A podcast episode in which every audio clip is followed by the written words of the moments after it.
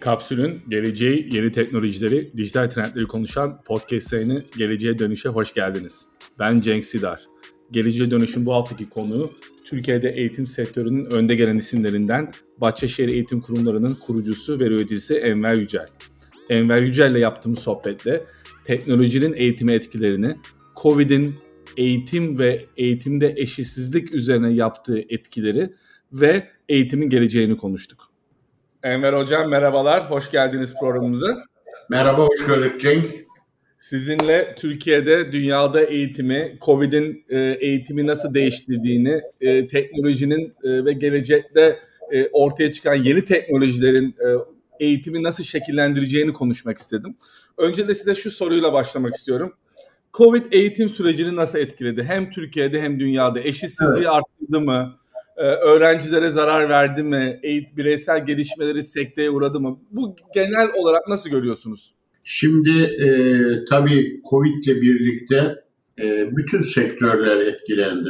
Direkt olarak etkilendi, en direkt olarak etkilendi ama bunlar içerisinde en fazla etkilenen sektör e, eğitim oldu, okullarımız oldu. Bütün dünyada böyle oldu. Bir buçuk milyar civarında bir öğrenci okullara gidemedi. Okullardan yoksun kaldı.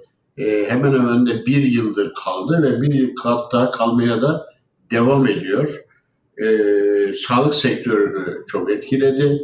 Bu alanları etkiledi. Bu alanlarda etkinin, etkilenmenin daha az olduğu durumlar ise eğitimde teknolojilerin kullanımı ile ilgili mümkün olabildi. Eğitimde teknolojiyi kullanan e, ülkeler var. O ülkelerde erişime ulaşanlar var, ulaşamayanlar var. E, bazı yerde e, internet altyapısı yok veya internet olsa bile e, bilgisayarı yok, televizyonu yok. Yani her ülkede bizim Türkiye'de de böyle oldu. E, erişilemeyen noktalar var. Dolayısıyla e, özellikle de anaokulu ve ilkokuldaki çocuklar çok etkilendi. Uzaktan öğretime onlar çok e, alışık olamadı veya en azından ekran başında e, bir saat, iki saat, üç saat kalmak zorlaştı.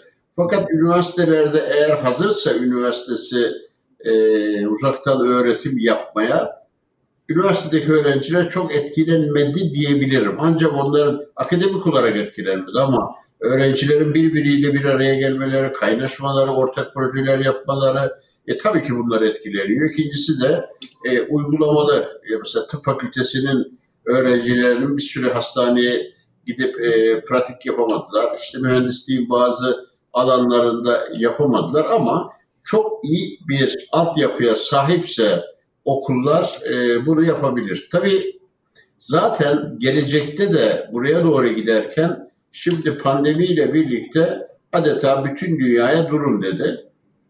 Covid. Bundan sonraki dünya böyle olmayacak.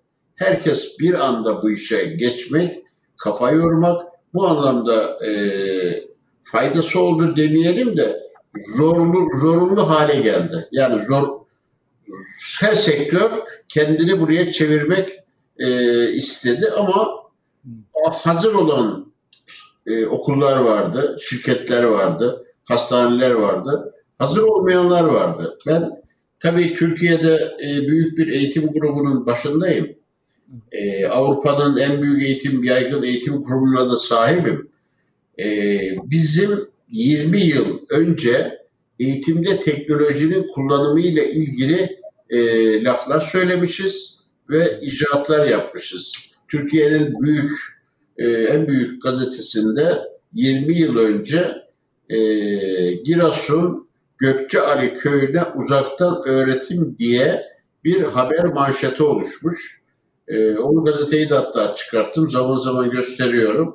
Yani o günden bugüne biz eğitimde dijitalleşmeyi, ona göre bir e, üniversitemizde 23 yıldır e, eğitimin dijitalleşmesiyle ilgili bir bölümümüzün olması, e, bilgisayar teknolojileri öğretmenliği bölümünün olması, e, okullarımızda bunu yaygın hale getirmemiz, zannediyorum da 10-12 yıldır da bizim öğrencilerimiz zorunlu olarak e, kendilerine tabletleri veriyoruz. Artık sınıftaki akıllı tahtada, evindeki tablet veya bilgisayarda eğitim öğretimin bir yardımcısı olarak yürütüyor idik. Pandemi oldu biz ertesi günü, ha bu arada daha geç e, önceleri de Doğu ve Güneydoğu'da yollar kapanıyordu. Çocuklar okula gidemiyordu. E, kar tatili yapılıyordu. Biz o kar tatilinde de uzaktan eğitim öğretimi yapabildik. Tabii şimdi pandemi başladığı anda Covid işte biz anında geçtik. Hatta üniversitemiz bir gün iki gün sonra geçti. Çünkü bazı derslerimiz zaten uzaktan öğretimle yapılıyor idi. E, ama bunu tabii geçenler oldu, geçemeyenler oldu. Kimse hazırlık yaptı. Ama bütün dünya böyle oldu. Mesela Oxford, Harvard bunlar herhalde 4-5 ay sonra geçtiler. Bir şey sormak istiyorum bu konuyla evet. ilgili. Şimdi e, uzaktan eğitim video video video teknolojilerini kullanarak e, vesaire web tabanlı aplikasyonları kullanarak işte notlama, not paylaşma, e, öğretmeni görme vesaire derse katılma mümkün. Peki sizce siz ki e, 10 yıllardır eğitim sektörünün içindesiniz. Sizce uzaktan eğitim birebir eğitimin yerini tutabilir mi? Yani uygulamalı alanları bir yana bırakırsa tabii tıp eğitimi vesaire bunlar çok daha sofistike ve farklı alanlar ama diyelim ki sosyal bilimlerden bahsediyoruz. Ekonomi biliminden yahut işte sosyolojiden.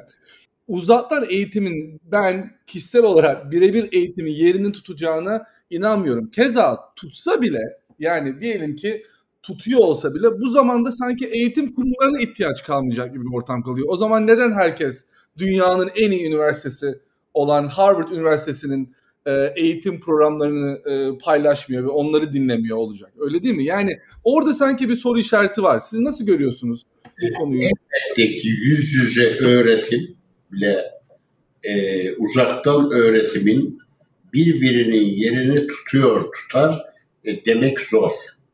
Ama burada şunu da ayırmak lazım. Kimin için zor?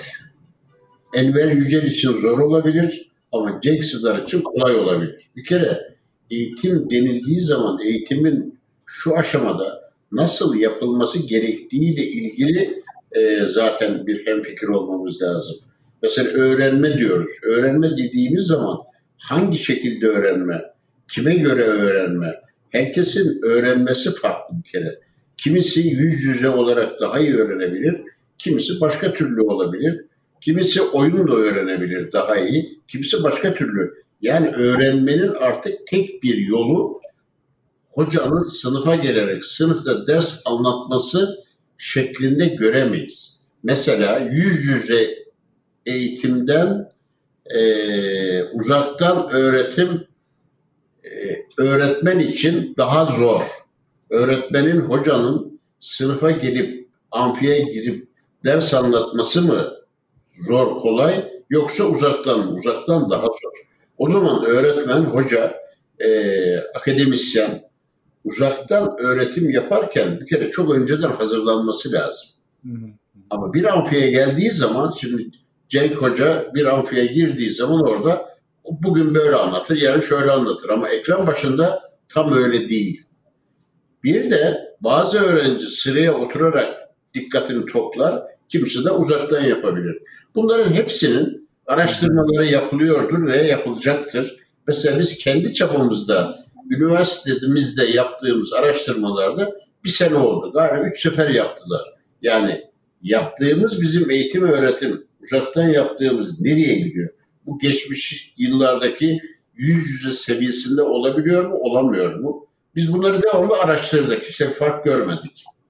Elbette ki bazı öğrenciler bunu negatif olarak öğrenmeyi diyorum bunu çocukların kampüslere, okullara e, gelmesinin bir yararı yoktur anlamında söylemiyorum. Hmm. Ama eğer biz sosyoloji diyelim veya psikoloji veya tarih bölümünü yani uzaktan anlatılabilecek konuları e, amfiden daha iyi olduğunu söyleyen de var. Ama bir tıp fakültesinde bunu söylemek mümkün değil. Ama tıp fakültesindeki öğrencilerin laboratuvarlarının da artık teknolojiyle yapmak o da mümkün. Bakın teknoloji sınıfa amfiye hoca girdiği zaman dersini anlatır. Güzel bir ders anlatır. Bu derse hoca yine ekranda anlatması yine mümkün. Ama hangi teknolojiyle uzaktan öğretim yapacağınız önemli. Videoları yükle, videoları da dinle. E bu uzaktan öğretimdir de bir yere kadardır. Yani öğrenciyle hocası sınıftaki gibi aynı ortamı hissederek yapılabiliyorsa bu e, daha gerçekçi, daha iyi olabilir. İkincisi de yararı, uzaktan öğretimin yararı kişiye göre bu işi yönlendirebilirsiniz. Yani kişiye özgü öğretim sistemini getirebilirsiniz. Yani e, burada öğrencinin eksiğini tespit edip o eksiği yeniden tedavi ederek bu işleri ilerletebilirsiniz. Ama şeyde öyle değil. Amfide dersini yaparsın, sonunda sınav olur. E, geçen geçer, kalan kalır gibi olur. Bugüne kadar böyle. Böyle bir eğitim öğretim artık olmaz. Kişiye özgü olması lazım. E, sağlıkta da öyledir. Kişiye özgü sağlık sistemleri var. Eğitimde de böyle olacaktır. Başka alanlarda da olacaktır. Yani tamamen yüz yüze olmaktan e, daha iyidir e, diyemem. Ama bundan da çok kötüdür. Böyle eğitim olmaz onu da söyleyemem. Çünkü eğitimin e, akademik içerik bir yere kadar. Esas akran öğrenmesi vardır. Birlikte öğrenmek vardır. E, proje yapmak çok esastır. Bunların hepsi de e, hocanın danışmanlığında öğrencilerle birlikte yapılan işlerdir. Tam da bunu soracaktım hocam. Çünkü şöyle bir durum var. Mesela benim şirketimle e, kariyerine ara verip master yapmak isteyen öğrencilere e, ya da işte çalışanlarıma ben şunu söylüyorum. Yani biraz bekleyin bu Covid dönemi bitsin. Çünkü master yaparken kazanacağınız en büyük e, katkı e, diğer insanları tanımak, öğrencilerle kaynaşmak, geleceğinizdeki network'ü oluşturmak, geleceğin yöneticileriyle sosyal ilişkiler kurmak. Ya yoksa hani e, ben kendi yaptığım e, biliyorsunuz işte Johns Hopkins Üniversitesi'nde e, ekonomi uluslararası okudum. Sonuçta oradaki eğitimimin en büyük tarafı e, benim hocalarımla e, ve diğer öğrencilerle e, sosyalleşmemdi. Yoksa o kitapları zaten ben Amazon'dan alır okurdum. E, Birinci Dünya Savaşı nasıl olmuş, işte e, Anlaşması nedir, makroekonomi nedir bunları okuyarak öğrenmek mümkün ama bu ilişkileri kurmak mümkün değil. Sanki bu tarafı eksik kalıyor Covid'le değil mi hocam biraz? Bunun e, bu yüzden kurumlara ihtiyaç var gelecekte de. Covid'de eksik kalıyor. Yani bugün Covid hiçbir şey olmasa ben öğrencinin 5 gün yerine ne bileyim yüksek seviyelerde yani üniversitelerde 3 gün gitmesinin normal olabileceğini düşünürüm. O 3 günlük veya 4 günlük zaman diliminde de üniversiteye gittiği zaman amfide e, hoca ile geçireceği zaman azalmış olması lazım. Ama hocanın öğrencileriyle birlikte bir proje etrafında çalışıyor olması, onlarla tartışıyor olması, var yok tartışmayı uzaktan da yapabilirsin ama proje etrafında bir şeyler yapabilmek önemlidir. Arkadaşlarının birbiriyle olan diyalogları önemlidir. Hmm. İşte sizin söylediğiniz gibi iş dünyasından insanların bir araya gelmesiyle, tartışmasıyla mümkündür. E, bu iş zor iştir. Ama öbür türlü e, amfiye gel, dersini anlat, git. E, bu iş kolaydır. Amerika'nın yüksek öğretiminin master, doktora programlarının muhteşem oluşu da buradan kaynaklanır. Yani uygulama mutlaka vardır, projeler mutlaka vardır. Öğrenciye bunu yap derler, uygula derler. E, hocanın danışmanlığında böyle olur yüz yüze meselesi e, elbette ki bunun yerini e, tutamaz. Mümkün değil. E, ama dediğim gibi akademik bilgiyi tabii onu da al bu kitapları oku o, o, e, okursan, çalışırsan e, tabii ki öğrenirsin. Ama onun okuması, çalışması için onun motivasyona ihtiyacı olacaktır. Öğrenciyi de motive eden hocadır. Zaten o ortamı sağlamaktır ortam olacaktır artık bundan sonra okullar. Bir, Bunun için de kurumlara ihtiyaç var. Bunlar için de kurumların e, ayakta durması, güçlü kurumların olması. Dünyada en zor değişen iş eğitimdir. Biz eğitimciler biraz biraz değil bayağı muhafazakarızdır. Çünkü daha insanoğlundan bu tarafa hoca gelir, ders anlatır. Anlatacak yine ama artık günümüzde bu işler daha farklı olacaktır, farklı olmak zorundadır pandemiyle birlikte bu iş böyle gelişti. Ama bütün dünyaya baktığım zaman bir buçuk milyar diyorum. insan çocuk gidemedi. E, bunlara erişim uzaktan da yapılamadı. E, yapılamayınca aradaki fark makas daha da açılıyor.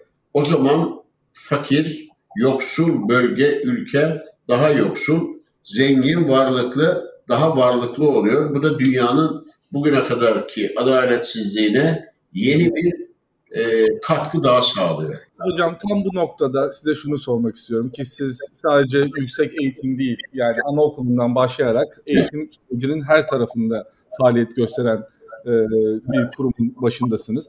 Benim gözlemlediğim, size de sormak istediğim konu özellikle okul öncesi, anaokul ya da birinci sınıf, ikinci sınıf gibi e, öğrencinin gelişiminde ana unsur olacak yılların kaybını yaşayan öğrenciler ki benim de oğlum, e, büyük oğlum bu sene birinci sınıfa başlamıştı.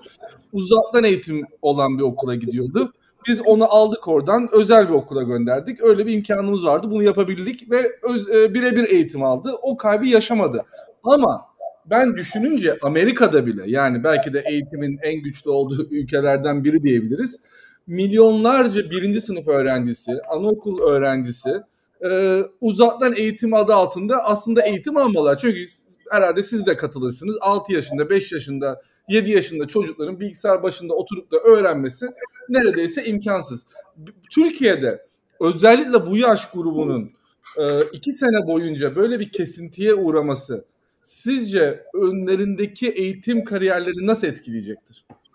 Bir bireyin e, kaybedeceği en önemli yaş işte bu 4-5-6 bu yaşlar.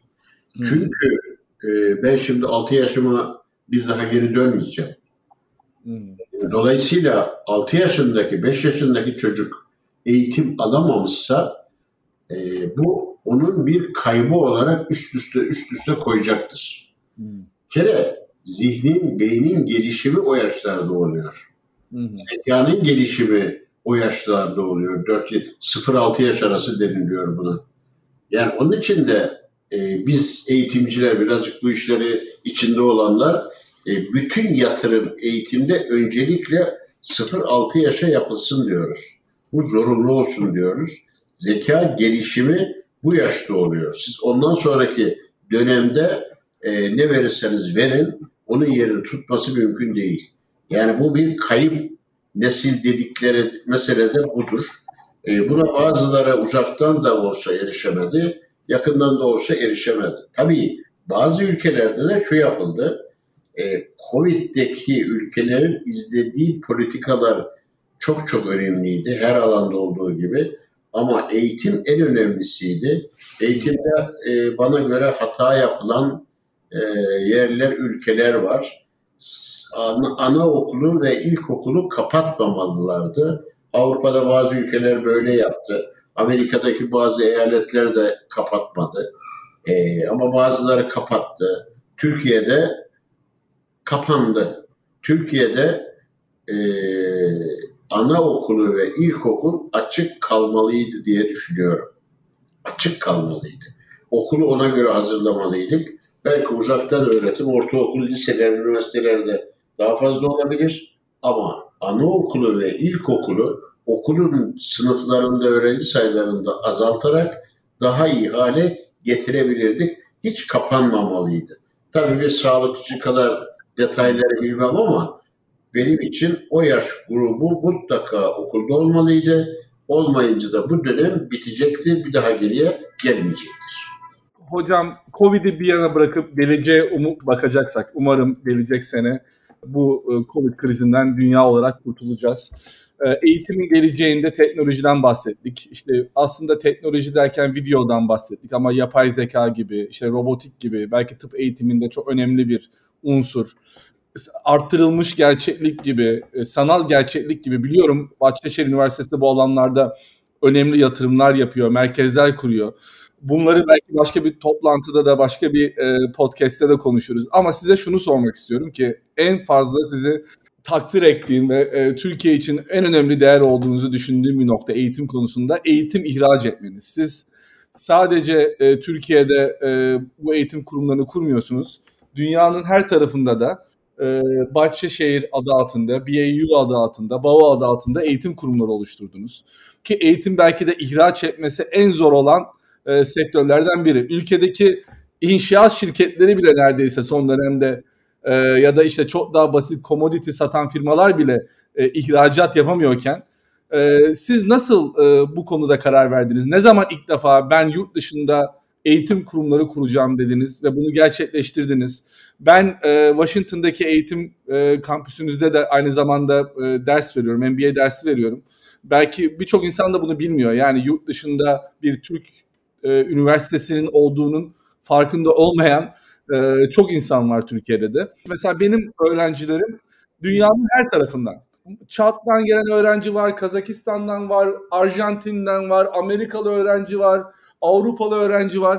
Orada ders vermek gerçekten bana bir Türk olarak gurur veriyor. Çünkü neden? Bir Türk üniversitesinde e, yabancı öğrencilere ki Amerika'nın göbeğinde, Beyaz Saray'ın arkasında yapıyoruz bunu. Siz nasıl bu vizyona sahip oldunuz hocam? Nasıl buna başladınız? Nasıl ilk adım attınız? Ee, şöyle başlayayım ben e, okula başlarken yani bir okul inşa ederken düş, kendimi ortaya koyup veya bir insanı ortaya koyup insanın nelere gereksinimi var. Bu insan neleri bilmeli? Bunları alt alta yazdığımız zaman bunların verilebilecek veya gelişebilecek ortamları sağlamamız lazım. Mesela dedim ki ilk Bahçeşehir Koleji'ni kurarken hitabet dersi verin dedim. Benim böyle hitabet yapma vesaire yapma şeyim zordu. Yapamazdım. Bak bu bende eksik. Bunu yapmamız lazım. İki, restoranta gittiğimiz zaman yemek yeme adabı hani kültürünü bilmemiz lazım. O zaman e, mutfak denilen yerde bir e, akademi kurdu. Öğrencimize yemeğin nasıl yenebileceğini, adabın ne olabileceğini gösterdik. Yani buna benzer akademik bilginin dışında bir bütün olarak insanı geliştireceğimiz için bu eksikliklerin bütününü yerine getirecek ortamları onun için diyorum okul sadece amfideki hocanın derslerinin transfer edildiği yerden çıkmalıdır. Çok süratle de çıkmalıdır. Eğitim bir yaşam haline, okul yaşam haline gelmelidir. Yaşam biçimi haline gelmelidir.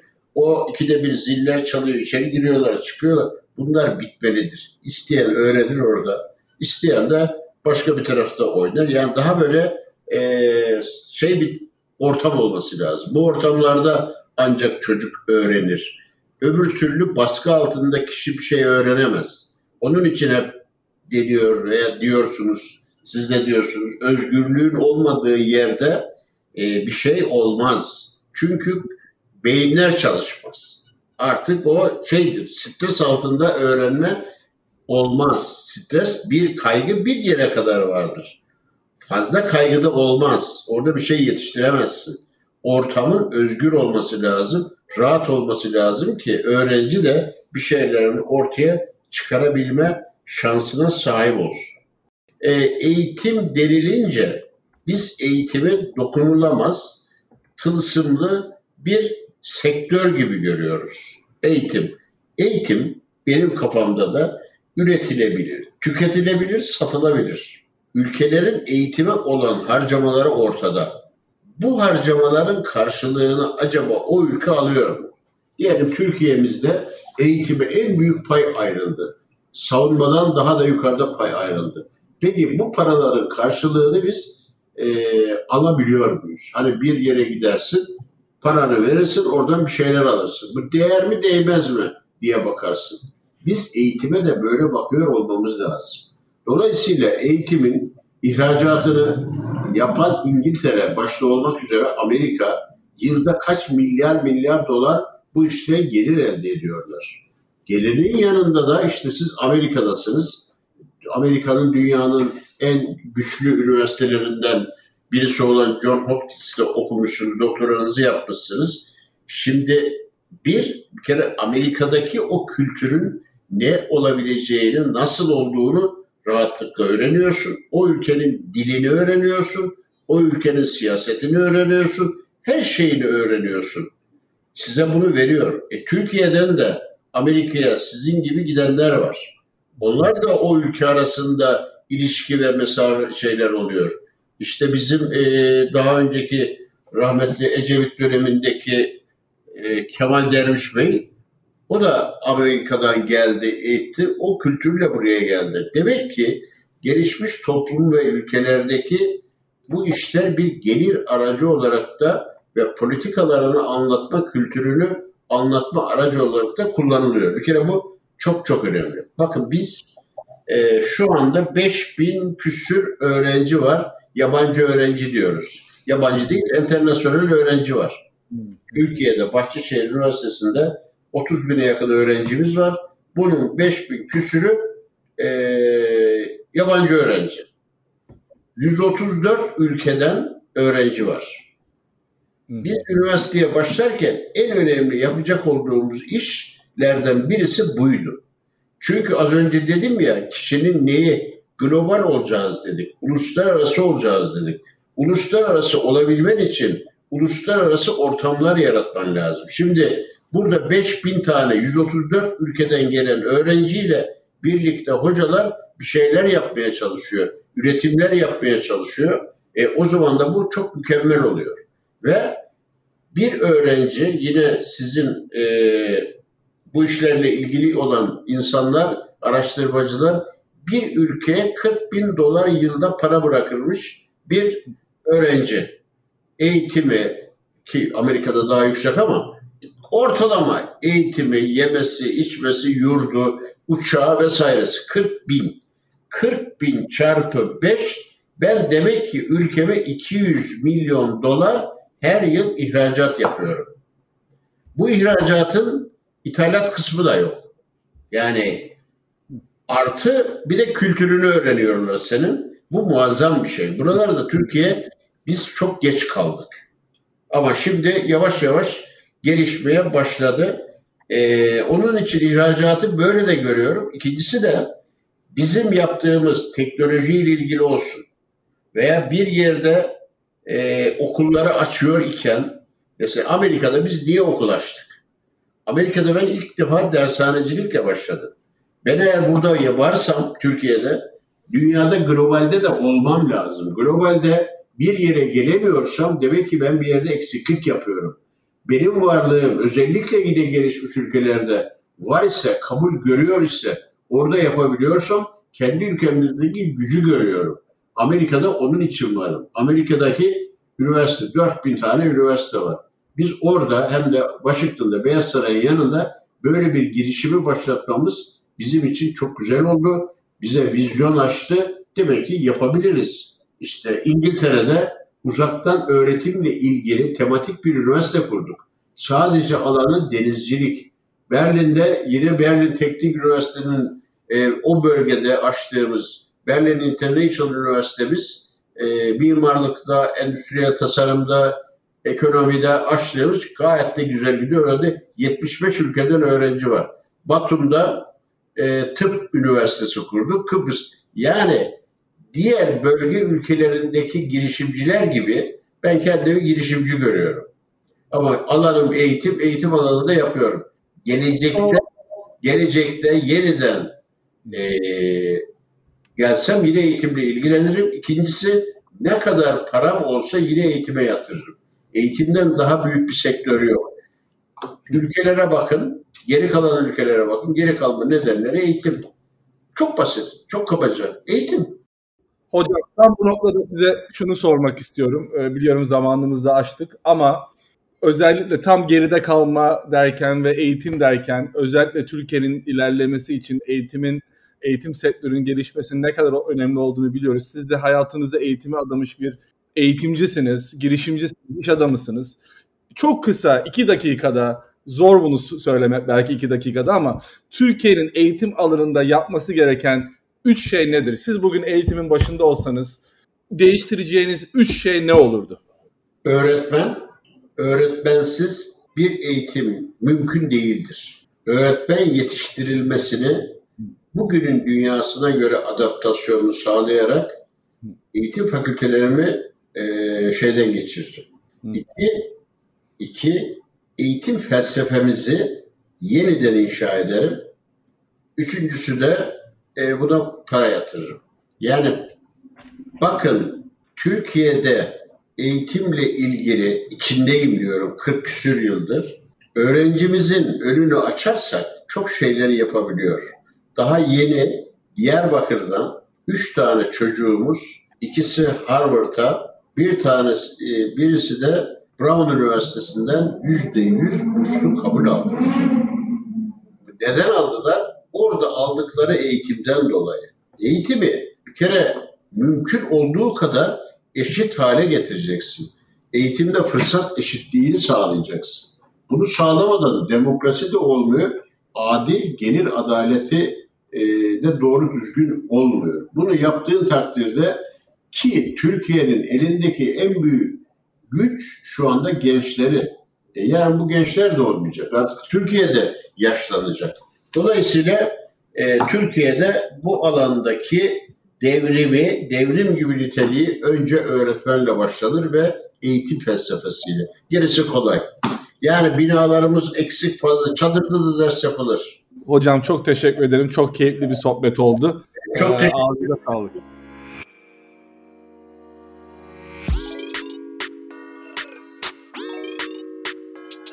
Kapsül'ün e-bültenlerine abone olmak için kapsül.com.tr'yi ziyaret edebilirsiniz.